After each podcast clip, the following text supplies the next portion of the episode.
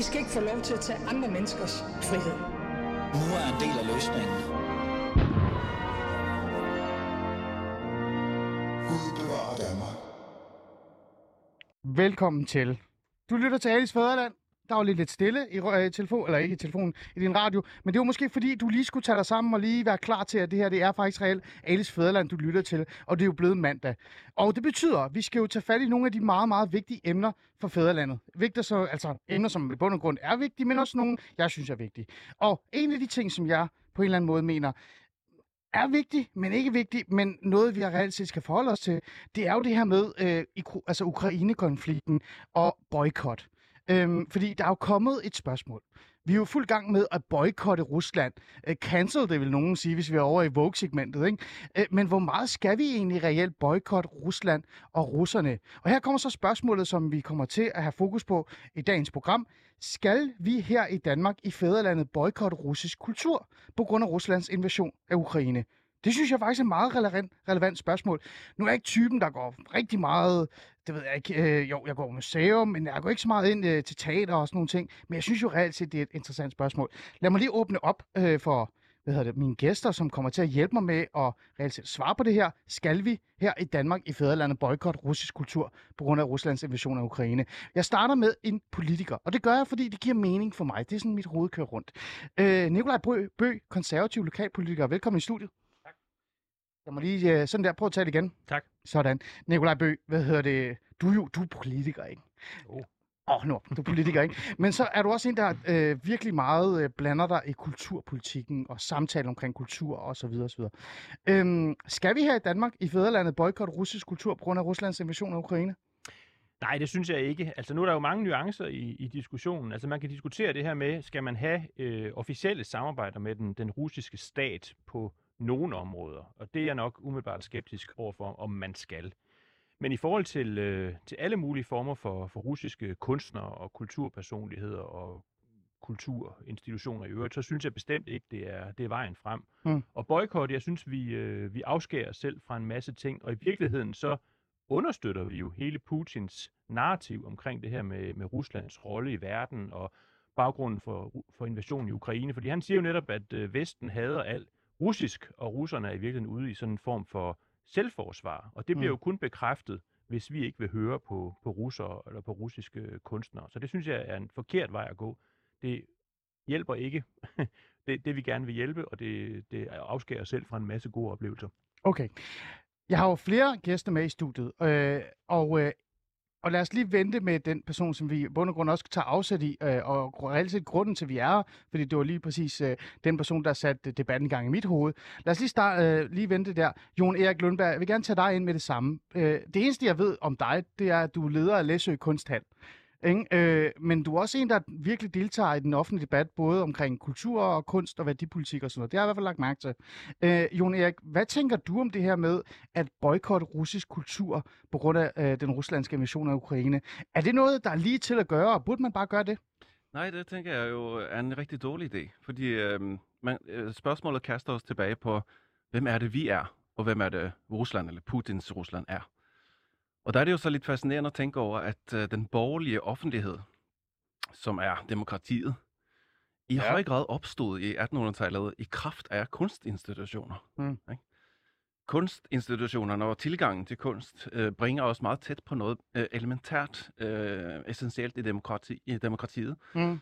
fordi værkerne åbner verden op for os øh, i, i dens mangfoldighed. Der er Mm. den her øh, pluralisme øh, i verden, som, er, som er forudsætningen for frihed. Og det vil sige, hvis du skærer ned kunst, hvis du fjerner kunst, der destruerer kunst, ligesom Taliban osv., så tager du nogens verden fra nogen. Mm. Så vi er ude i en eksistentiel overdrivelse, som overhovedet ikke kan påvirke krigen. Mm. Fordi en diktator, han øh, trykker ikke nogen kunstner til sit bryst og siger, det den her kunstner repræsenterer mig. Og der er heller ikke nogen kunstner, der har, øh, så vidt jeg ved, måske med enkelte øh, undtagelser, stået frem og sagt, jeg elsker krigen, jeg synes Putin er en, er en god leder. Og det, det er jo ikke sket tværtimod, er det jo kunstnere, der har øh, fordømt ham, Mm. mm. der er blevet cancelleret. Ja. Så du kan ikke se det som en, en...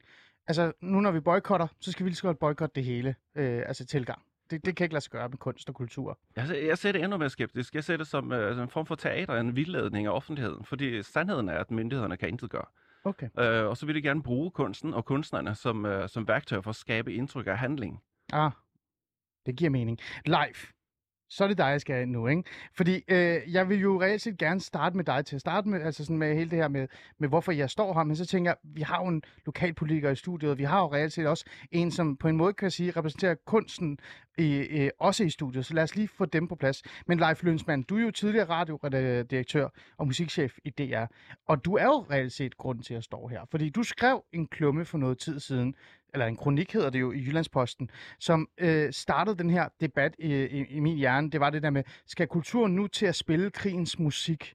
Øhm, Leif, hvad tænker du øh, omkring det her med boykot russisk kultur? Øh, jeg, jeg ved i hvert fald, at du ikke er for det, øh, men, men giver det overhovedet ikke nogen mening at boykotte noget som helst? Måske. Øh, måske. Det er altid en individuel afgørelse i situationen og af situationen, og truffet af dem, der har ansvaret for den kunstneriske kuratering, som det hedder, altså Mm. for valget af, hvad der skal på. Jeg tror, øh, når jeg har reageret imod den øh, kappestrid om, hvem der er mest antirussisk og boykotter mest russisk kultur for tiden, så tror jeg, jeg skal helt tilbage i min egen barndom og ungdom. Jeg er sådan en, der er født i 1956 og vokset op 10-20 år efter 2. verdenskrig. Og jeg voksede op uden at kende en eneste tysker, uden at vide noget om tysk kultur. Men jeg lærte fra skolen fra første dag, at tysk kultur og alt, hvad der var tysk og tysk og rå, det var noget, man ikke skulle røre ved. Det har gjort mig sådan lidt øh, allergisk eller overfølsom overfor, hver gang, at man forveksler en krigsførende nation eller dens leder med befolkningen. Altså når man siger, Tyskland var i krig, eller Hitler var i krig, derfor Mm. vil vi ikke have med tyskerne at gøre. Og det kunne jeg høre et ekko af i debatten, i debatten oven på, øh, oven på aflysningerne, da de begyndte at komme ind, at det var russerne, der var i krig, og ikke Rusland. Mm. Øhm, øh, du sagde det her med, øh, hvad hedder det, lad mig lige prøve at gå tilbage til øh, ideen om det der med, at der er ingen diktator og, øh, eller, øh, hvad kan vi sige, sådan nogle magtudøver, der tager kunsten til sig, Jon Erik. Øhm, vi kan, hvis vi kigger tilbage i tiden, så, så kan vi jo godt se, at nogle af de her værste diktatorer, de har jo netop gjort det der med at gøre kunst til en del af deres, hvad kan vi sige, øh, legitimering af deres magt, eller forståelsen af nationen. Øhm, man kan jo, hvis man er lidt fræk, øh, så kan man sige, øh, Adolf Hitler gjorde det en del i forhold til klassisk musik, er der nogen, vil sige, der er nogen vil sige. Nu er jeg ikke historiker, jeg er jo bare socialrådgiver, ikke? Øhm, øh, vi gik på Mussolini og nogle af de andre. Der var jo nogle øh, former for kunst og kultur, ja, nu siger jeg kunst og kultur, men idræt var jo også under den pakke, ikke? Rusland gør det også meget med idræt og så videre. Sådan, der er jo, de går meget op i ishockey, de går meget op i deres nationale øh, fodboldhold faktisk også i virkeligheden. Så er der, er der ikke noget med, at Putin, han i bund og grund kan blive ramt af, hvis hele den der kunst og kultur og sport og idræt bliver øh, ramt af en form for boykot? Altså, kan, det ikke ramme ham på en måde? Idrætten kan øh, helt sikkert, fordi det er jo betalt af regimet for, som en ren øh, reklamesøjle. Det ser man jo af det der komplet amoralske øh, Formel 1-løb, der nu foregår i Saudi-Arabien og andre steder. Øh, virkelig Mhm, frygteligt. mhm. Øh, der er vi alle sammen medskyldige. Men øh, når det kommer til kunst, så er det jo det, det mest spændende med, med Hitler, det er jo den kunst, han destruerede. Mm. Øh, og man kan sige, den kunst, som en diktator kan bruge, øh, til ligesom at sige ja til sig selv, det, det er jo det, vi kalder propaganda, som netop ikke er kunst. Det er Mm. mm. håndværk, det er kommunikation. Bøg, du er markeret? Jamen altså, jeg synes jo, at øh, altså, man kan jo godt sige, at der er visse altså, sportsbegivenheder og andre ting, som på en eller anden måde er med til at, at forhærlige øh, Rusland og det russiske regime. Men altså, det er, det er jo perifært i forhold til det, vi taler om her, fordi øh, kunsten og kulturlivet er, som i alt overvejende grad, så er de kritiske over for det siddende regime. Det kender vi jo også her fra, fra landet. Det, det ligger ligesom i kunstens natur, at man er skeptisk over for det bestående. Man vil gerne opstille modbilleder, man vil gerne øh, vise andre veje og tænke osv. Så, videre, så, så, så Putin kan ikke bruge den alt overvejende del af kunsten og kulturen i, øh, i sit øje med. Altså Mm. mm. tværtimod, hvis man cancellerer alle russiske kunstnere, så ødelægger man jo billedet af, at der er et andet Rusland. Der er et Rusland, som ikke er Putins, som vil noget andet. Altså Rusland er jo et fantastisk øh, kulturland, og der er også masser af russere, som, som tænker anderledes, end, øh, end Putin gør. Mm. Og det billede, det ødelægger vi jo, hvis ikke vi vil høre på nogen af dem. Tværtimod Mm. burde vi jo give ekstra meget opmærksomhed til, øh, til russiske, uafhængige kunstnere lige nu, fordi de er netop med til at give et billede af, at der er også et andet Rusland, og de er jo også med til at skabe den mellemfolkelige forståelse mellem os og det russiske folk, som i sidste ende er forudsætningen for, at vi kan øh, skabe en, en god fremtid sammen, hvad, jo, hvad vi jo skal på et eller andet tidspunkt. Mm. Øhm, hvad hedder det, øh, Leif, du markerede lige, øh, og du får også dit spørgsmål øh, med din markering, og fra mig også, fordi øh, jeg synes jo, det er vigtigt øh, også at vide, hvad er det så egentlig, der er blevet øh, altså boykottet? Fordi vi kan stå her og snakke om noget, men hvad er egentlig det konkrete? Altså, hvad er vi gået glip af øh, her de senere par måneder? Altså, er det overhovedet noget, vi har, vi har lagt mærke til, eller burde lægge mærke til, eller har det ramt os, den her boykot overhovedet? Lad os prøve at tage nogle af, af dem, der har været oppe. Jeg sad i Musikhuset i Aarhus for en måned siden, siden med en billet til Anna Netrebkos, øh, som øh, russisk sopran, Mm. øh, og som angiveligt, eller i hvert fald påstået, også er ven med Putin og repræsenterer regimet og har støttet øh, løsrivelsesbevægelserne i Donbass-området ved at donere 80.000 kroner til et operahus. Hun skulle synge øh, Verdi-opera, Mm. øh, altså arier fra Verdis opera. Øh, og som dagen skred frem, så øh, havde musikhuset besluttet, at de ville beholde det. De mente ikke, at der var skade i, at man hørte selv en russisk sopran, uagtet hendes sindelag, synge Verdi-opera arier. For det er hun simpelthen en af de bedste til i hele verden. Som dagen skred frem, blev de underlagt et pres. Og her bliver det kompliceret, fordi jeg synes, øh, for det første øh, støtter jeg, at vi skal se øh, andre landes kultur, uagtet deres regeringer, uagtet kunstnernes personlige sindelag, politisk eller moralsk for den sags skyld. Der var meget kultur, vi var gået glip af i verdenshistorien, hvis nutidens moralstandarder havde valgt, hvem der kunne komme til fadet og ikke. Øh, som det viste sig i Aarhus-sagen, og det var det, der førte mig til Blækhuset øh, og, skrev, og fik mig til at skrive kronikken i Jyllandsposten. Det viste sig, at, øh, at tvivlen kom efter, at rådmanden, en kulturrådmand, en af, af, Nikolajs kolleger, Mm. øh, en politiker, går ja. ind og ønsker den aflyst. Og en politiker, der ønsker en kunstner sat af scenen, eller på scenen for den sags skyld, det får det til at løbe koldt ned. Men live, men live, altså nu har vi jo, et- jamen det, det er meget godt, men nu har vi jo reelt et eksempel, som du bruger her, ikke? Øh, øh, der nævner du jo øh, en kunstner, ikke? Øh, som i bund og grund ikke burde stå til ansvar for en invasion af, af et land. Det, det vil man i hvert fald mene. Jeg er ikke enig om det, det kigger alle sammen på mig. Men alligevel er hun jo også en speciel type. Hun er jo netop en, som, øh, som har øh, doneret nogle penge til, til noget, som man godt kan se som pro øh, Putin. Hun, man siger, hun er øh, muligvis en ven af Putin og sådan nogle ting. Altså, det, det får mig til at, sådan, at, at stille dig det spørgsmål. Øhm, skal alt kultur og kunst altså reelt set være fri for den her form for boykot? Eller er der også nogle situationer, hvor man tænker, måske hende her, var det en okay idé, at, at hun blev boykottet? Altså, jeg har ikke, øh, det skriver jeg også, jeg, det nærmer ikke, at, øh, at koncerten bliver aflyst. Øh, Jeg har selv som radiodirektør, som musikchef i Danmarks Radio, i konkrete øh, situationer undladt bestemte former for musik. 9. eller hvad hedder det, 11. september 2001, der besluttede vi faktisk dagen over efter angrebene på World Trade Center, at vi ikke spillede øh, First we take Manhattan, then we take Berlin for eksempel. Men det er ud fra en konkret vurdering, som vi som fagfolk tager, om om det vil støde nogen, om det er passende, om det, øh, om det kan virke akavet. Det ville det jo bestemt kunne at spille den sang lige efter en øh, radioavis for eksempel. Vi blev kritiseret for, at det var musikcensur dengang. Der var også nogen, der mente, at vi kunne ikke spille arabisk musik i den periode, for det ville være en støtte til terroristerne. Mm. Og der mener jeg, at det, det vi kæmpede imod, det var terror, og ikke arabere, og ikke kunst og kultur. Og tilsvarende her, synes jeg ikke, at vi kæmper mod russisk kunst og kultur, heller ikke mod russere, mm. øh, men mod en regering. Mikrofonen er åben, øh, Jon og øh, Nicolai. Jeg tror, det var dig, der, der Ja. først. Jamen, det er jo selvfølgelig det helt centrale argument, det er, at vi, er, vi har en konflikt med det russiske regime, og ikke med det russiske folk eller med russisk kultur. Øhm, og det, altså, jeg synes jo, det, altså det, det, som er problematisk ved det der med afløsningen af en Anna Netrebko-koncert i Aarhus, det er jo det der med, at det, det politiske på en eller anden måde går ind og blander sig i, øh, i kulturlivets prioritering, og det er normalt ikke noget, vi, vi sætter pris på her i, i landet. Der vil vi gerne have, der er vis, en vis armslængde. Øh, der er jo en række andre øh, eksempler på, på det her, som jeg synes er, er endnu mere groteske. Altså, der var udstillingen med de, de to øh, russiske tvillinger i, øh, i Horsens, I Horsens, som ja. to det kunstnere, da- som, ja. øh, som havde Prøv lavet lige at en, fortælle lige den, hvad, Jamen, hvem havde- de er de- kort, og de hvad havde der lavet- de havde lavet en, øh, en udstilling i øvrigt baseret på, øh, på noget porcelæn, som de havde fundet i en, i en genbrugsforretning i Danmark.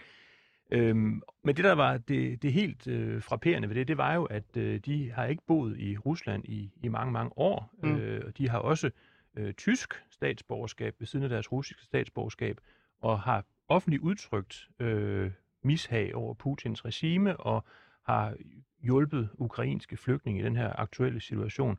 Og der er vi jo ude i, altså hvis, hvis det, at man er født i, i Rusland, alene det er årsag til, at man skal boykotte, så er vi ude i en form for kulturel apartheid, som øh, virkelig, virkelig ikke er klædelig for, øh, for folk i det her land Mm. på nogen som helst måde. Og det, det var jo lidt den samme situation med, at det var en, det var en socialdemokratisk kulturudvalgsformand, der Mm. i hvert fald udadtil tog Men- ansvar men for, Bøg- at der var foregået den her men Bøg- aflysning. Men bø, men bø. Nu bliver, nu bliver jeg lidt nysgerrig her, ikke?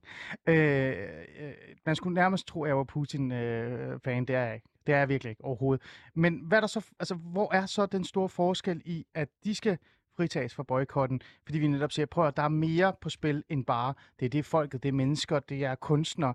Hvor er forskellen så der, og så Carlsberg? Altså for eksempel Carlsberg, eller nogle af de andre virksomheder. Virksomheder er jo virksomheder. De har jo heller ikke en, en stærk tilknytning til Putin eller til staten, hvis de er. Altså da jeg så det her med, at McDonald's trak sig tilbage, og ikke vil være en del af hele det der, altså de vil ikke have restauranter i, øh, i Rusland længere, der var jeg også, sad jeg også tilbage og tænkte, hvorfor? Altså, hvad er egentlig begrundelsen for Jamen- det? Det er fint nok, at de selv beslutter sig for det, men, men jeg har det bare sådan, øhm, vi, vi accepterer jo, og vi er efter Carlsberg og alle de andre, for at de ikke boykotter sig, men samtidig så står vi her og siger, jamen kunstnerne, de skal fritages, det er okay, de er jo bare mennesker. Jeg synes, at det, der er afgørende, det er jo, hvad der direkte kan siges at støtte den russiske Men krigsindsats. McDonald's i Rusland kan jo ikke Jamen støtte det, altså hele, hele det økonomiske system er jo på en eller anden måde med til at, at understøtte krigsindsatsen. Ah, og okay. derfor synes jeg, at enhver form for økonomisk samarbejde, samhandel med Rusland, det skal, det skal stoppe lige nu, fordi det er med til at, at gøre, at, øh, at de får sværere og sværere ved at, Mm. mm. at, at gennemføre deres, Mm. deres krigsindsats i Ukraine. Så det er for mig set noget helt andet. Altså det, det, det er- kan ikke det sammenlignes? Langt, det kan ikke sammenlignes. Det, er- der, er ikke nogen, øh, der går ikke nogen øh, penge eller noget andet fra de her russiske søstre i, i Horsens og til, Nej. til Putins krigsmaskine. Så det synes jeg er noget helt andet. Der, der, må, man, der må man skælne, hvad, hvad bidrager direkte til krigsindsatsen på en eller anden måde, og hvad er, hvad er bare øh, russisk kultur. Jo. Ja. Ja, og jeg synes også, at øh, det er vigtigt at få frem en, øh, en væsentlig forskel her. At, Ja, gerne. at kunst er jo ikke vare. Det er jo netop kunst, der står op imod vareliggørelsen, tingliggørelsen, Mm. mm. som man kan normalt øh, kritisere kapitalismen for. Ikke?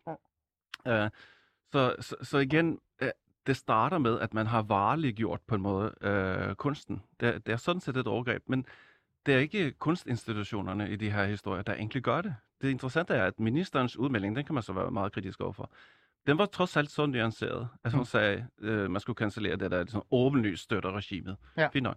Så har de her institutioner øh, hver især vurderet, at øh, tvillingernes kunst eller musikken, nej, det er ikke nogen støtte for på Putin. Og så er det nogle lokale politikere på et lavere niveau, Mm. der går ind og aktivister Mm. og overskrider både ministerens øh, opfordring og institutionens faglige vurdering, og ophæver armslængdeprincippet, og tingsliggør kunsten samtidig. Mm. Ja, jeg mener, det, det, det går Okay, galt på, så det, det på er en mange anden, det er en parametre. anden vinkel, der, der bliver lagt på. Det er en, en politisk, måske sådan lidt... Øh, men hvorfor gør man det så, tror du? Altså, vi har jo faktisk reelt set en lokalpolitiker øh, i programmet lige om lidt, men, og vi kan spørge ham direkte selv. Men hvorfor tænker du, at der er den her form for, at vi skal boykotte alt nærmest for det, på det her niveau? Jeg er bange for, at der er opportunisme og opmærksomhedssøgen.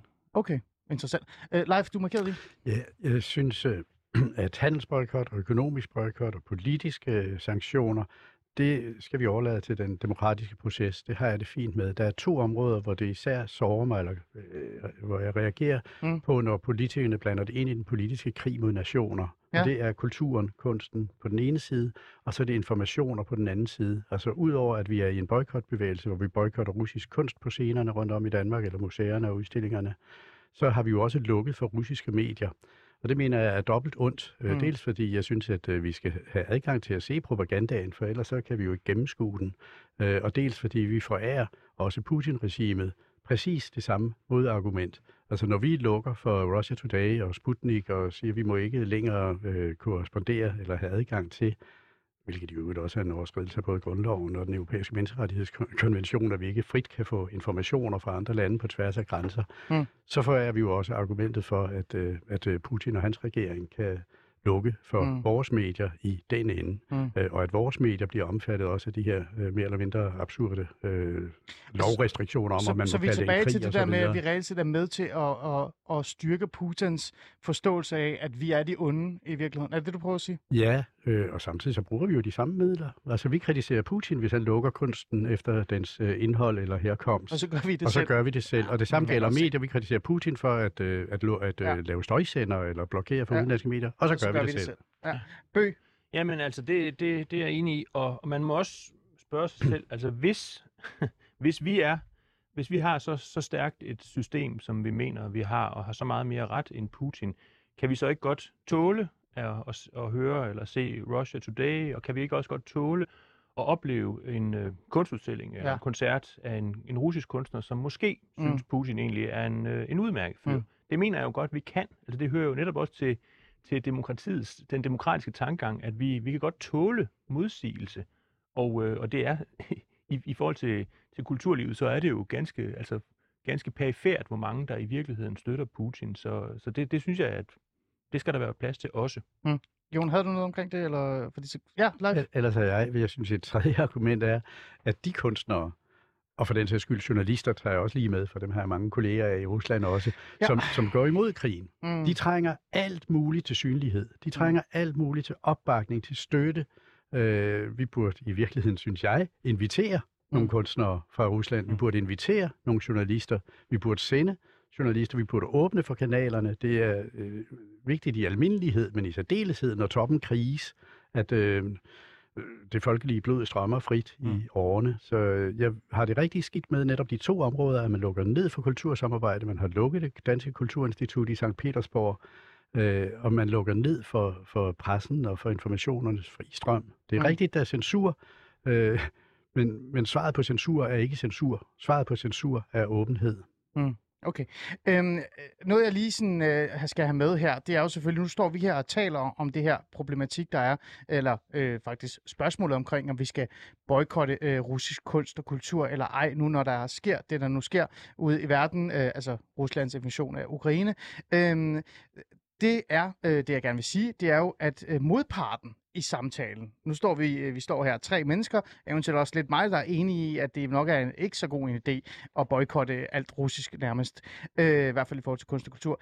Modparten øh, har jo haft travlt med at fremlægge deres øh, hvad hedder det, meninger og, og øh, positioner, både øh, hvad hedder det, kulturministeren og, og politikere, også lokalpolitikere for den sags skyld, og også folk på, på de sociale medier. Men jeg har, har haft rigtig svært ved at få dem til at komme i studiet øh, med jer tre i dag. Øh, jeg har forsøgt hele ugen. Det har været rigtig, rigtig øh, svært at, at få modparten til at være med. Der har været øh, et par stykker, som gerne vil. De har ikke kunnet. En har været ude at rejse. Men, men ellers så øh, har det været meget interessant for mig at, øh, at, at se det her med, at øh, modparten i den her øh, argumentation, altså hele den her idé om, at jamen, selvfølgelig skal vi boykotte kunst og kultur, fordi så kan vi presse Putin, ikke øh, har lyst til at tale om det offentligt. Så jeg har lyst til at stille jer det spørgsmål, før vi går hen til en, jeg har fundet, som gerne vil være med i samtalen. Hvorfor øh, er det egentlig sådan? Fordi jeg troede jo, før vi kom ind i studiet, eller da vi stod ind i studiet, der kigger på jer og sagde, det her burde jo være den, det, det svære ståsted. Altså det her, den nuancerede svære ståsted at sige, men selvfølgelig skal vi boykotte Putin, men vi skal passe på i forhold til kunst og kultur. Den anden er jo den nemme, det er jo bare boykotte alt. Men hvorfor tror I, at de har svært ved at deltage i samtalen og nuancere, hvorfor de gerne vil øh, boykotte det hele? Lad os starte med dig, Jon. Ja, det er fordi øh, synspunktet er kommet fra, øh, fra øh, toppen.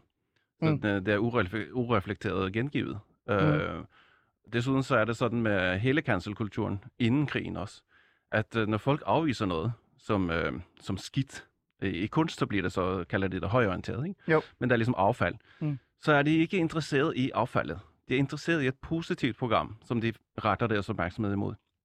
Og, og, og, og, og som det er sådan, de afviser ikke passer ind i. Mm. Så det skal bare væk. Hvis man så inviterer dem til at komme og forklare det her, så, så forstår de simpelthen ikke invitationen, fordi øh, hvorfor skal jeg tale om det, som jeg har erklæret som øh, ligegyldigt og, eller farligt øh, ligefrem, ikke? Som, Ah, så, det spilder tid på en, grund, på en måde, kan man sige. Og så vil det sige, at øh, de så danner en platform, der legitimerer lige præcis det, som de vil have ud. Okay. Men er vant til at legitimere platforme, eller i hvert fald øh, give øh, til mikrofonen til folk, der ikke får lov til at tale. Så det er rigtigt. Det er fint. Det er vi ligeglade med. Øh, hvad siger du, Leif? Jamen, det kan også være, fordi nogle af dem simpelthen ikke kan finde ud af, hvad det er, de mener her, eller ikke kan udtale det, uden at se hylderiet i, i, i egen stemme. Hvis man tager mm. Charlottenborg Kunsthal for eksempel, så, øh, så øh, har de først øh, øh, givet en pris øh, for forårsudstillingen til Mhm. en russisk kunstner, Sergej Prokofjev, øh, for to videoinstallationer. Øh, de giver ham en pris, fordi han er dygtig til at lave videoinstallationer, som jo er kritisk over for krig og regimet. Øh, men så pludselig gribes de af den her ånd, og så skynder de sig at vise, at de er meget, meget, meget handlekraftige, og meget, meget antirussiske, og meget pro-ukrainske, og så fjerner de videoinstallationen. Hold da op. Det koster så et ekstraordinært bestyrelsesmøde og en formand, der går af, og ugen efter, så har de pludselig det modsatte synspunkt. Det kan jeg godt forstå, hvis de har svært ved at, forsvare, at forsvare. Øh, ja. Jamen, jeg tror også, at der, der har meldt sig en vis eftertanke nogle steder.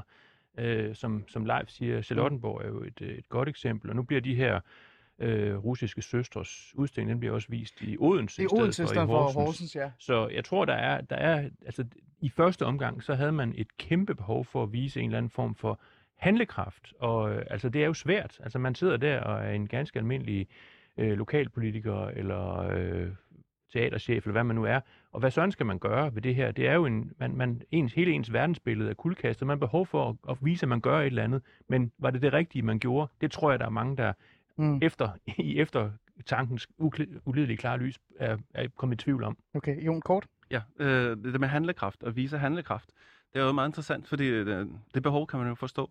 Men at, øh, at aflyse en udstilling er jo på en eller anden sjov måde både at vise handlekraft, men også det stik modsat. Ikke? Fordi hvis man ville handle, så ville man jo gøre noget øh, positivt og affirmativt. Men i stedet så, så gør man noget negativt, som det så heldigvis øh, Mm. kan komme i bedre tanker om.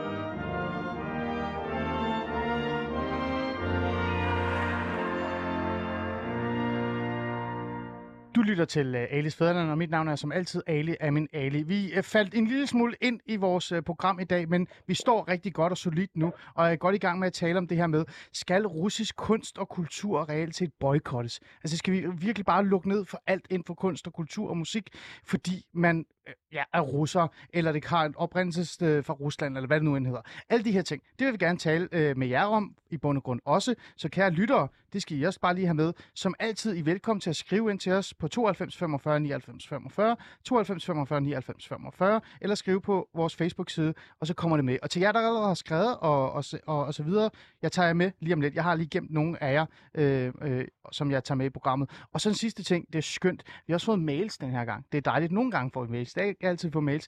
Men øh, åbenbart så skriver man mange mails, når man, øh, når man er inden for kunst- og kulturverdenen. Så jeg har fået en del mails, og dem tager jeg også med her øh, lige om lidt. Jeg har øh, tre øh, vigtige personer, vil jeg sige, i studiet for at hjælpe mig med at forstå, skal vi egentlig reelt set øh, boykotte russisk kultur. Nikolaj Bø, konservativ lokalpolitiker, står hos mig. Jon Erik Lundberg, leder af Læsø Kunsthal, og Leif Lønsmann, tidligere radiodirektør og musikchef i DR. Og vi er sådan på en eller anden måde kommet frem til, at det her, det kan godt være øh, øh, en, en, hvad kan vi sige, en beslutning, der bliver taget, fordi den kommer oppefra, og man har ikke rigtig sat sig ind og nuanceret, hvad det hele bund og grund handler om. Og så sagde du jo, Jon, at det her, det kan reelt set skade os virkelig meget øh, i forhold til vores, vores øh, hvad hedder det, også forståelse af os selv i virkeligheden. Det er vel lidt frækt at sige, at du også gør, ikke? Men en, som øh, jeg tænker har sat sig ind i det her, men også har øh, en, en modsat øh, holdning, øh, kunne man godt være fræk at sige, det er Jakob Søgaard Clausen. Jakob, er du med? Ja, det er jeg i hvert fald. Hej. Jakob, øh, jeg kommer lige øh, med en, en god beskrivelse af dig. Du er medlem af Dansk Folkeparti, og så er du medlem af Aarhus Byråd. Øh, det har du været siden januar 2020. Og øh, du er jo øh, en del... 2022 er undskyld. Og du er jo en del af det her Aarhus Byråd øh, og, og lokalpolitiker, som man kunne faktisk godt sige, måske har været med til at boykotte nogle ting i ny, altså her og der. Øh, live, eller ikke live. Øh, Jakob, hvad tænker du om det der med boykot? Du skrev jo til mig, at du synes, det var en, det var en fin ting at gøre. Jamen, Jeg tænker jo, at, øh, at det er nødvendigt i den aktuelle situation, vi står i. Vi taler jo ikke om, at vi skal boykotte øh, Rusland og russisk kultur i al evighed. Øh, Men i den her aktuelle situation, øh, hvor vi ser en frygtelig krise nede i Ukraine, og vi ser, hvordan Rusland behandler ukrainerne, så synes jeg, det er vigtigt, at vi siger klart fra over for det. Og det kan vi gøre ved et boykot. Det kan vi både ved russiske virksomheder, men det kan vi også via det russiske kulturliv. Mm. Jakob, I har jo haft jeres eget eksempel, kan man sige. Øh, Leif Lønsmann nævnte det her en, øh, hvad var det, du sagde, Leif? En koncert med Anna Netrebko, Ja, som var øh, blevet aflyst. som blev aflyst. Øh, synes du, det var i orden, Jacob? Ja, det synes jeg. Øh, Jeg synes næsten det værste var, at det tog for lang tid, før man egentlig fik afklaret, at det var det, der skulle ske. Øh, Men så nogle gange går der også lidt jura i det, øh, og det skal vi selvfølgelig også have styr på, Mm. når det er det musikhuset, der står for det. Mm. Men jeg synes, det var helt fornuftigt. Det gav ikke nogen mening, at vi kunne stå og se på, hvordan russiske tropper invaderer et, et europæisk land, og så samtidig så står en, en øh, russisk kunstner, der er tæt med den russiske præsident øh, på scenen i musikhuset i Aarhus. Det ville sende et helt forkert signal, og det synes jeg, det var godt, at vi fik stoppet det. Men Jacob, øh, nu siger du det der med, at det var en, der var tæt på Putin. Det kan så debatteres, og det nævnte Leif jo også i hans indlæg omkring, hvad der som er et konkret eksempel. Øh, men, men hvis vi lægger det til side, det der med, at hun muligvis er lidt tæt på Putin eller ej, øh, mener du alt russisk kunst og kultur i Aarhus Kommune nu skal boykottes, indtil invasionen af Ukraine stopper? I hvert fald så længe, at vi har, har offentlig støtte indover, så synes jeg, at vi godt kan kræve, at, øh, at vi lukker helt ned for det. Og det handler simpelthen om, at vi sender et klart signal til Rusland øh, og det russiske folk og det russiske kunstnere, om at vi ikke vil acceptere den krig, som deres ledere har indledt i det europæiske land. Og det kan vi gøre ved at sige klart fra over for det og stoppe det. Øh, Leif? Ja, men jeg kan jo godt følge øh, Jakobs tanker om, at, øh, at øh, man også, når man øh, præsenterer kultur, skal være opmærksom på, hvilke signaler man sender.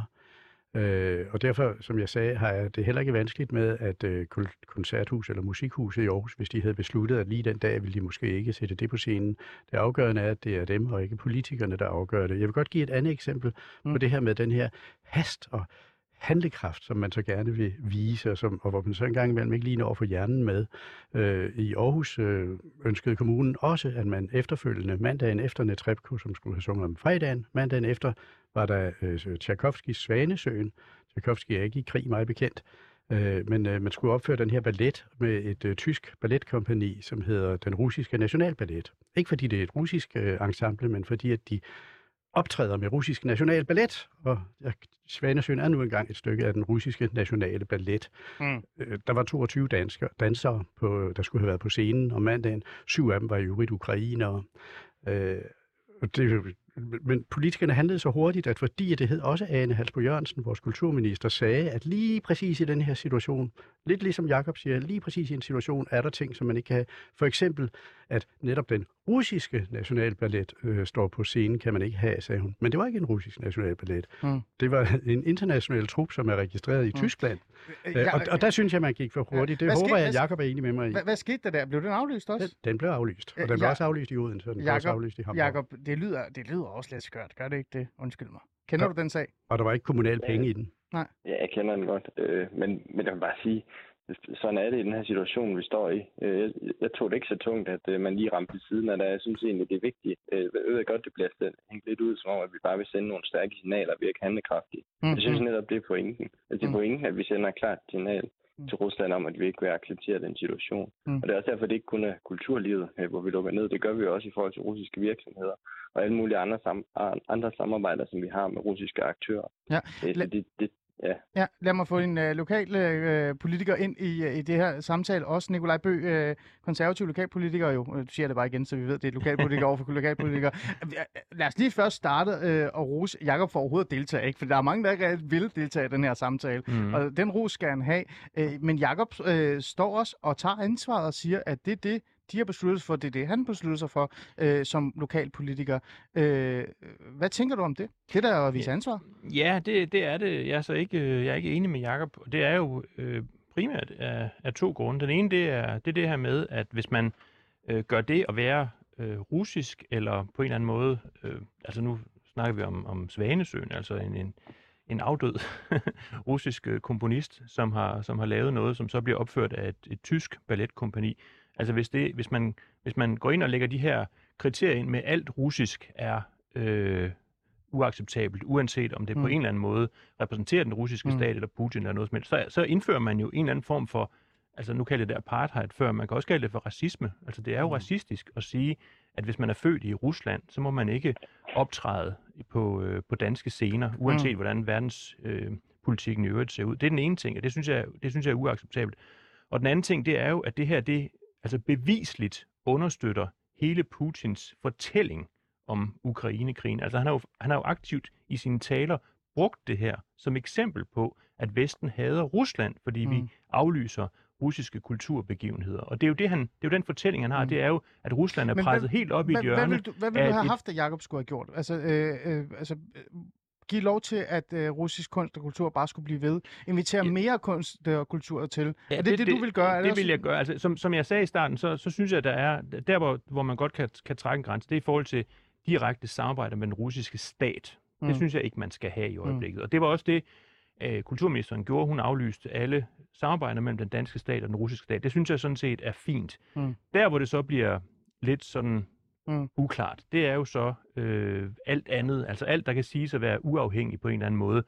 Der, der synes jeg, der er vi ude i et, en problematisk gråzone, hvor man snarere skal give mere taletid de stemmer, som på en eller anden måde Mm. mm. repræsenterer Rusland og den russiske kultur, fordi det er også en måde at øh, s- give det her billede af, at der er et andet Rusland Ja. end Putins. Jakob, det skal du lige have lov til at lidt svare på. Der står en lokalpolitiker, som siger, at han vil gøre præcis det modsatte af, hvad, hvad, hvad du... Og jeg tænker, bare lige for at få noget på plads, øh, Jakob Søgaard Clausen, det er jo ikke fordi, du har besluttet for, at nu skal alt russisk, hvad hedder det, boykottes i Aarhus. Der har også været en, en, en enighed, er der har det ikke det, øh, blandt dine kollegaer? Jo, der har været, i hvert fald min optik, eller jeg har opdaget fuld enighed i Aarhus Byråd, så det Mm. handler måske også lidt om, hvad det er for nogle kreds, man ellers kommer i. Ja. Jeg bliver nødt til lige at sige, at, at det, for mig at se, synes jeg, det er helt langt ud at sige, at det er racistisk. At sige, at vi lukker ned for, for alt, der er russisk. Mm. Jeg bliver nødt til igen at hente opmærksomheden på, at det her det handler om at sende Ja, klart lige signal. Ja. Det handler om at sende, sende et klart signal til Rusland og russiske folk om, at den krig, som deres leder har invaderet eller indledt i Ukraine, den kan vi ikke acceptere. Men Jakob, kan man ikke gøre det? Jeg er den eneste her, der, der, Nej, nej, prøv- fokus på, hvad den aktuelle situation handler om. Nej, men jeg er også med på den. Jeg er også med på den, Jacob. Men kan man ikke gøre det uden at, at tage kunstnere og, og, kulturlivet som sådan en form for, hvad kan vi sige, øh, kidnapningssag nærmest sag? Altså tage dem øh, og smide dem i en kasse, der hedder, så længe du bare er noget, der nærmer sig noget omkring Rusland, så kan du ikke, øh, så kan du ikke være her mere, eller du kan ikke spille, eller du kan ikke øh, øh jamen, øh, reelt set øh, tjene dine din penge til, til noget mad. Øh, og, så, og så er det bare sådan, altså kan man ikke gøre det uden at gøre det på den måde? Jeg er med på, at der, er- der er mange nuancer i det i forhold til, hvilken relation man har til Rusland, øh, og det skal vi også finde ud af hen ad vejen. Vi er bare, bliver bare nødt til at sige, at det er at det russiske folk og russiske kunstnere, det er deres ledere, det her det handler om. Det er dem, der har et ansvar. Og jeg Ja, ved godt, at der er langt fra alle i Rusland, og også de russiske kunstnere især, som er med på den krig, som Putin har indledt. Men det er deres ansvar, fordi det er deres ledere, der har sat det i gang. Øh, Og derfor bliver vi bare nødt til at sige fra over for dem. Det nytter ikke, at vi bare tegner et lille flag på kinden, og så sidder og hører en, en russisk opera i musikhuset, og afholder nogle flere koncerter, og så tror, at det kommer nej. til at få fjernet Nej. Putin Ja. fra magten. Øh, Det synes jeg er naivt, øh, og det tror jeg slet ikke Okay. på. Det, altså, det tror jeg også på, Jacob. Lad os bare, øh, det, jeg vil gerne indrømme, at bare at, male et, et ukrainsk flag på, på, på sin trøje eller på sin kind eller et eller andet, så tror man, har gjort noget. Øh, øhm, men, men jeg synes bare, at den er sådan lidt, den er mere nuanceret, øh, vil jeg mene. Øh, live, eller ikke live, hvad hedder det? Jo. Ja, øh, jeg synes, det der med at sende et signal, det er et punkt, vi gerne kan tale lidt om. Mm. Fordi Putin har jo sagt fra start af, som en del af hans propaganda, at han afnazificerer Ukraine. Ikke? Ja. Og øh, det her med at boykotte kunstnere baseret på pas, ja, det har en kedelig forhistorie. Mm. Lige præcis i nazismen. Det tænker jeg. Så, så på den måde, så sender vi et signal, der går ind i hans kommunikation. Øh, så det er sådan cirka det værste signal, mm. øh, vi overhovedet kan sende. Og hvis man tager Charlottenborg-historien, så var det jo John Kerners øh, egen vurdering, at øh, den her sag, den er vigtigere end hensynet til den enkelte. Mm, Hvis man tænker lidt over den sætning, så Mm. er det jo fundamentet for Putins øh, type af magt også. det kan man godt sige, Ja, ja. ja sådan 20.000 døde soldater nu. Ikke? Ja. Øhm, Ja. Og det er jo slet ikke, det, det er ikke sådan, vi er. Nej. For, for ligesom at sige det med Biden. Mm. Øh, det er hensynet til den enkelte, der betyder noget for. Så det er jo det signal, vi skal have sendt. Og det bliver også så sendt, fordi de, de er lavet om på den beslutning. Men jeg kunne godt tænke mig at høre, øh, hvis der er tid til det, Det, det er der. med Aarhus øh, Kommune. Øh, hvordan er det formelle grundlag for, at politikere kan gå ind og ændre i øh, kunstinstitutioners program? Jakob, Jamen altså, vi lever selvfølgelig op til de regler, der er, og derfor er der også et armslængdeprincip. Øh, Øh, det, som vi kan gøre fra byrådets side, øh, og vi vedtager i virkeligheden, vi har ikke vedtaget noget formelt i forhold til det her. Øh, vi kan udtale os som politikere og sige, hvad vi mener. Det er i hvert fald det, som vi har gjort indtil videre i forhold til det kunstneriske. Men så er der jo et musikhus, som, som er drevet af Aarhus Kommune også, og som, som er afhængig af offentlige kroner, som selvfølgelig også lytter til de signaler, der bliver sendt fra politisk hold. Det synes jeg, der er fornuftigt, at man også lytter til den debat, som der kører rent politisk i, i Aarhus Byråd. Og igen, øh, hvor der har været stor enighed om, at man i hvert fald fra Aarhus side ikke kan acceptere øh, den krig, som Putin har indledt i Rusland. Og det er også har betydning for kulturlivet. Mm. Jo. Så fordi institutionen er økonomisk afhængig af den politiske magt, så må politikerne uformelt diktere institutionsprogram. Det lyder ikke særlig... øh, Det lyder ikke demokratisk. Det, det kan simpelthen ikke være rigtigt. Det kan det ikke. Ja, hvad tænker du der? Jeg tænker, det er jo det traditionelle svar, når man begynder at diskutere øh, kultur. Så snart du tager politikere ind i en kulturdebat, så er det der jo svaret, der kommer. Øh, Så, så det har jeg egentlig ikke så meget til over for. Altså, det er jo, jeg, jeg synes, det handler om, at vi sender nogle signaler, og det gør vi som politikere. Mm. Oceanerne, der har valgt os til at mene noget, og så skal vi selvfølgelig også mene noget om øh, sådan en situation som den her. Ja, live. Det er jo interessant, du synes det, Jacob, med al respekt. Øh, altså, vi har jo faktisk øh, i Danmark en, en god, synes jeg, rodfæstet national tradition for, at politikere ikke blander sig i kunsten. Det hedder ovenikøbet i, i bekendtgørelsen om øh, scenekunst i Danmark.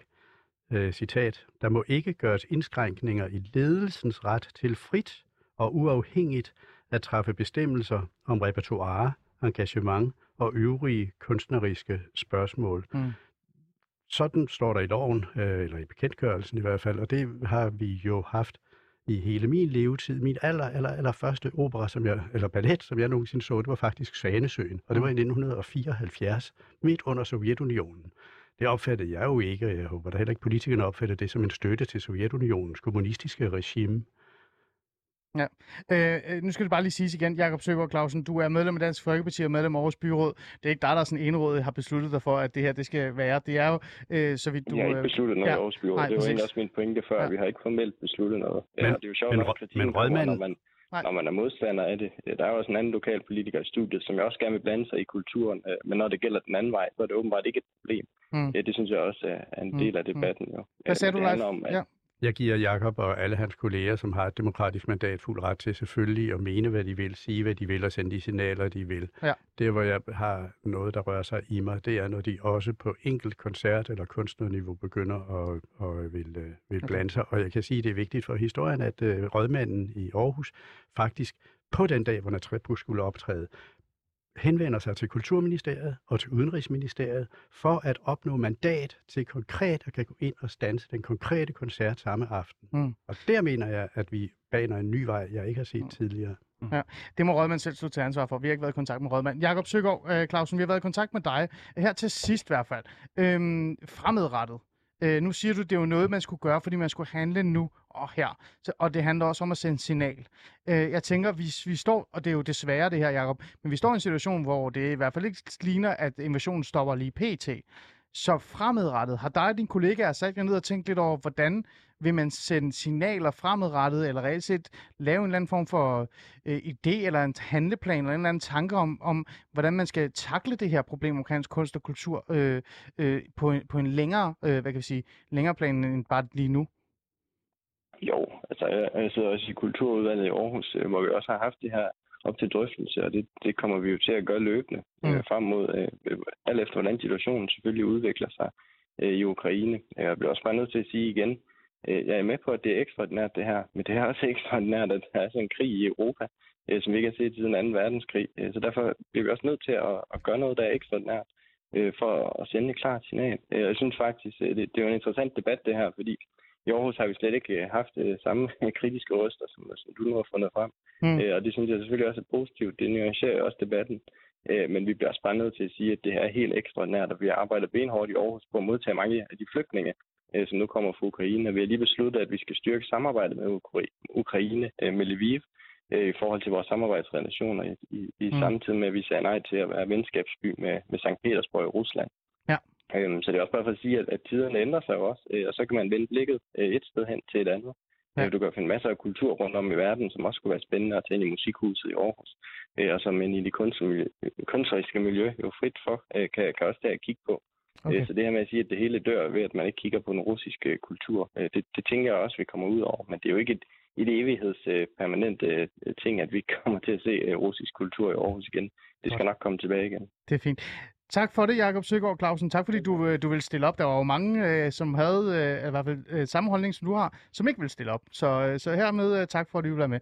Medlem af Dansk Folkeparti og også medlem af Aarhus Byråd siden 1. januar 2022, Jakob. Så fik jeg sagt det ordentligt. Det er Det godt. Øhm, Jakob har jo fat i noget her til sidst. Altså sådan lidt, ikke fordi verden går under i morgen, hvis, øh, hvis russisk kunst og kultur lige må sættes på pause. Og vi står jo i en, en ny tid. Det er der jo også nogle konservative, øh, Nikolaj Bøg, jeg kigger på dig, der har sagt, vi står over for en ny tid, en ny periode, en ny verdensorden nærmest. Ikke? Altså det hele har jo ændret sig. Vi, jeg føler jo nærmest, som om vi er tilbage til koldkrigstiden, i, øh, i hvert fald den måde, det bliver fremlagt, også af borgerlige og konservative. Så er der ikke øh, meget kort noget om det?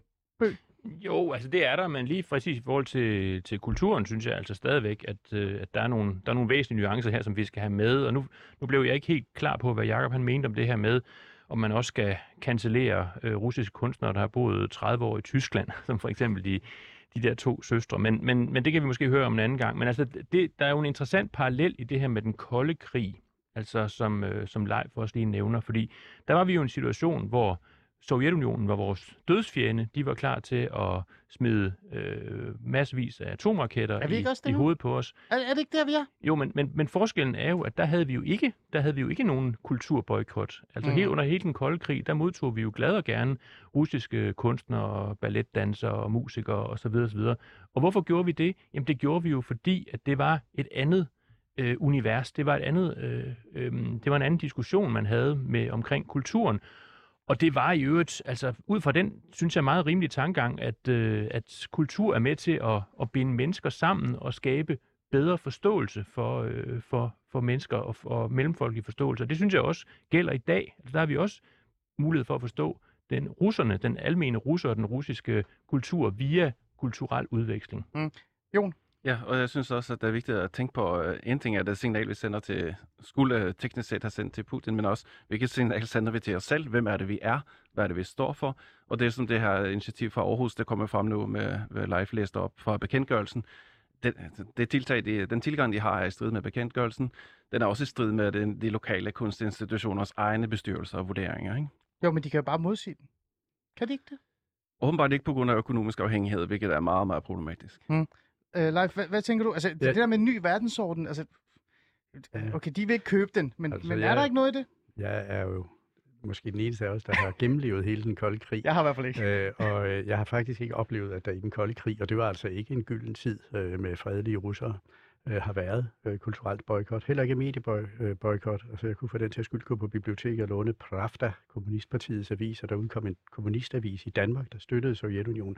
Jeg har ikke oplevet det her Nu før. blev vi i Fæderlandet lidt bekymrede, at du nævner kommunister, ikke? Nu lige roligt. Jamen, de var, helt, de, var- de, var- de, var, de var lovlige dengang, Ja. ja. øh, selv i den farlige tid.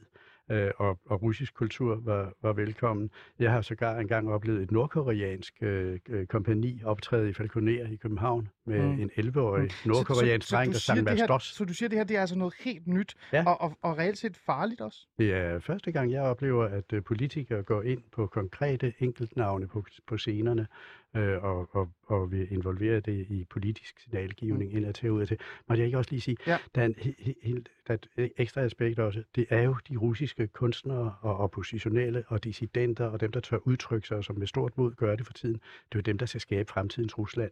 Det er så trist, at vi vender ryggen til dem, i stedet for at åbne armene over for dem. Hvis vi tror på, at Rusland engang skal komme op af døgnet og ind i en bedre fremtid, så er der brug for, at kunstnerne nu møder opbakning i stedet for lukkede arme. Mm. Øhm, ja, det, det, var, øh, det var nogle kloge ord, kunne man sige. Og apropos kloge ord, så er vores øh, lyttere jo nok de mest kloge øh, af os alle sammen, er de ikke det? Altså, Og vi har jo fået øh, nogle, øh, nogle, hvad hedder det, nogle svar eller nogle kommentarer i forhold til det her, så jeg synes, at øh, nu når der ikke er så lang tid tilbage, så lad os lige tage dem også. Øhm, Simone har skrevet, nej, hvorfor skulle alle russere bøde for Putin? Forestil dig, at du som enkeltstående menneske skulle straffes, miste din indkomst og blive afvist på hospitalerne osv. på baggrund af en beslutning taget af Mette Frederiksen. Simone er ikke glad for den øh, ting. Øh, Jon har skrevet, uden russisk kultur bliver vi fattigere. Øh, Dostojevski, Tol- jeg kan ikke engang sige navnene, vel? Tolstoy. Tolstoy, Tjekov, Stravinsky, øh, Tchaikovsky. Øh, prøv at, jeg ser vild med dans, ikke? Jeg ser ikke det der. øh, balletten for slet ikke at tale om verdens smukkeste kirker. Men Jon har jo, øh, har jo et point her. Eskil Olsen har skrevet, nej, vi skal ikke. Vi kan ikke omskrive historie. historie øh, historiens, kunsten og kulturen er vigtig at kende og være bevidst om. Og så har Marianne Dyrhus skrevet, kunsten har intet med krig, død og ødelæggelse at gøre. Så der er jo, øh, i kommentarsporet er der nogen. Og jeg har også fået mails jo. Øh, og, og det er jo også skønt at få mails og blive inde ved med at sende mails til os. Øhm, vi har ikke så meget tid, jeg kan ikke nå at læse dem alle sammen op, der, der er en meget, meget lang mail her, øh, som også påpeger, at, øh, at det her, det er jo reelt set på grænsen af, af, racisme, som du nævnte, øh, Nikolaj Bø.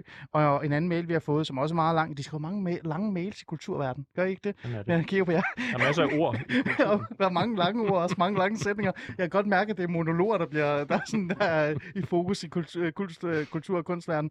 Øhm, her bliver der også skrevet sådan lidt, at vi misser os, øh, os selv. Ikke? Altså, vi glemmer lidt, hvem vi selv er, hvis vi skal begynde at cancel andre folks kultur, og på den måde kan vi jo heller ikke selv udvikle os. Der er noget, jeg synes, der er interessant her til sidst, som jeg gerne vil tale med om. Det er jo det her med fremadrettet. Altså sådan, vi har jo ikke så lang tid. Øh, det her, det bliver jo ikke ved med, for, altså det bliver ikke for evigt det her, den her krig. Øh, det håber jeg da i hvert fald ikke. Jeg håber på et eller andet tidspunkt, så slutter den her invasion. Så står vi jo med Rusland foran os, og vi står i en situation, hvor vi har boykottet kunst og kultur, og jeg ved ikke hvad. Øh, kommer det her til at have øh, en påvirkning til forholdet også, med kunstnere og, øh, altså, og kulturverden, altså den russiske? Kommer til at stå i en situation, hvor de heller ikke vil os mere, fordi vi netop, netop banger ind i den der Putins, vi kan ikke lide jer, og de, I kan ikke lide os? Jon, lad os starte med dig. Jeg, jeg tror, vi skal starte med at vende tilbage til at finde ud af, hvem vi er. Mm. På trods af den her erfaring. Det det er første gang, det sker, at vi, øh, politikerne går ind og, og, og lukker ned kunstnere, som ikke engang har noget med Putin at gøre. Øh, eller med krigen at gøre. Man kan sige, at det er en, øh, det er en ekstraordinær situation. Det vil, alle krige vil være ekstraordinære situationer. Skal vi så bare boykotte næste gang, der er en ny krig. Så øh, vi må ligesom få fokus tilbage. Hvem er vi? Hvad er det, vi står for? Øh, og det vil så forhåbentlig være så attraktivt, at øh, også russiske kunstnere i fremtiden vil øh, søge til os for, Mm. for frihed. Bø, du er jo lokalpolitiker. Du er også øh, folketingskandidat, så vidt jeg kan huske, for Ja. ja. Folkeparti. Øhm, er det rigtigt her? Skal vi kigge ind af? Ja, det synes jeg bestemt, vi skal, altså, fordi at det er en del af, af vores eget fundament også.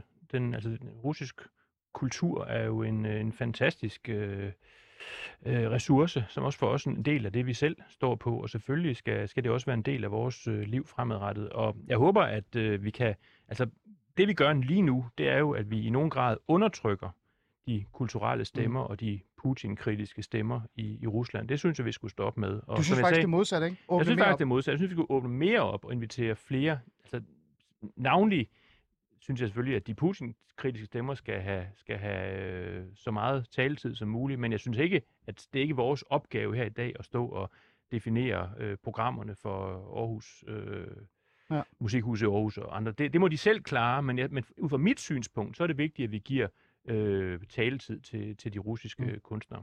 Leif, øh, som jeg sagde her til at starte med, at øh, det her program er jo faktisk øh, sat op, fordi øh, vi netop så øh, din kronik. Øh, meget kort her, øh, den her påvirkning, altså øh, øh, tror du, den vil komme til at have en meget negativ effekt? Tror du, vi får svært ved øh, i fremtiden at få russere eller russiske kunstnere til at komme til Danmark, fordi de føler sig svigtet her? Nej, både vi og Rusland øh, skal nok overleve, at vi kigger den anden vej i en periode. Men jeg synes, vi skal kigge indad på principperne og på, på hvordan vi reagerer, når vi rammes af lysten til handlekraft og signalgivning. Mm. Mm. Øh, og der synes jeg, at vi skal kigge tilbage, for, øh, kigge ind på, hvad det var, der skete i de her ophedede stunder. For det er jo i ophedede stunder, at principper har det svært. Mm. Men det er også i ophedede stunder, at principper skal stå sin prøve. Og der har vi, synes jeg, en principiel rensagning, selvrensagning at gøre efterfølgende. For der kommer nye krige, og der er nye onde regimer. Øh, det bliver svært at lade kinesisk kunst komme næste år, øh, fordi så anerkender man jo Kina mere, end man anerkendte Rusland, osv. osv. Den er svær at stoppe. Hold i principperne. Mm. Med de ord, så siger jeg jo bare tak. Øh, Nikolaj Bøh, konservativ lokalpolitiker, tak fordi du vil komme og prøve at hjælpe mig med at forstå det her. Øh, det, siger jeg altid, når du er i studiet, ikke? Du skal komme og hjælpe mig med at forstå ting, ikke? Jon Erik Lundberg, leder af Læsø Kunsthal, tak fordi du vil komme og sætte noget perspektiv på det. Og Leif Lønsmand, tidligere radiodirektør og musikchef i det her, tak fordi du også vil komme og, og sådan give mig noget historisk øh, indsigt i forhold til det her. Og så skal vi selvfølgelig sige tak til Jakob Søgaard øh, Clausen, som faktisk stillede op, ikke? Mange af de andre, øh, som, øh, som forsvarer det her boykot, men ikke øh, vil være her, øh, han gjorde det modsatte, han stillede op. Så Jakob, tusind tak, fordi du vil være med. Og ude i regien, Julie, tak for hjælpen i, i dag.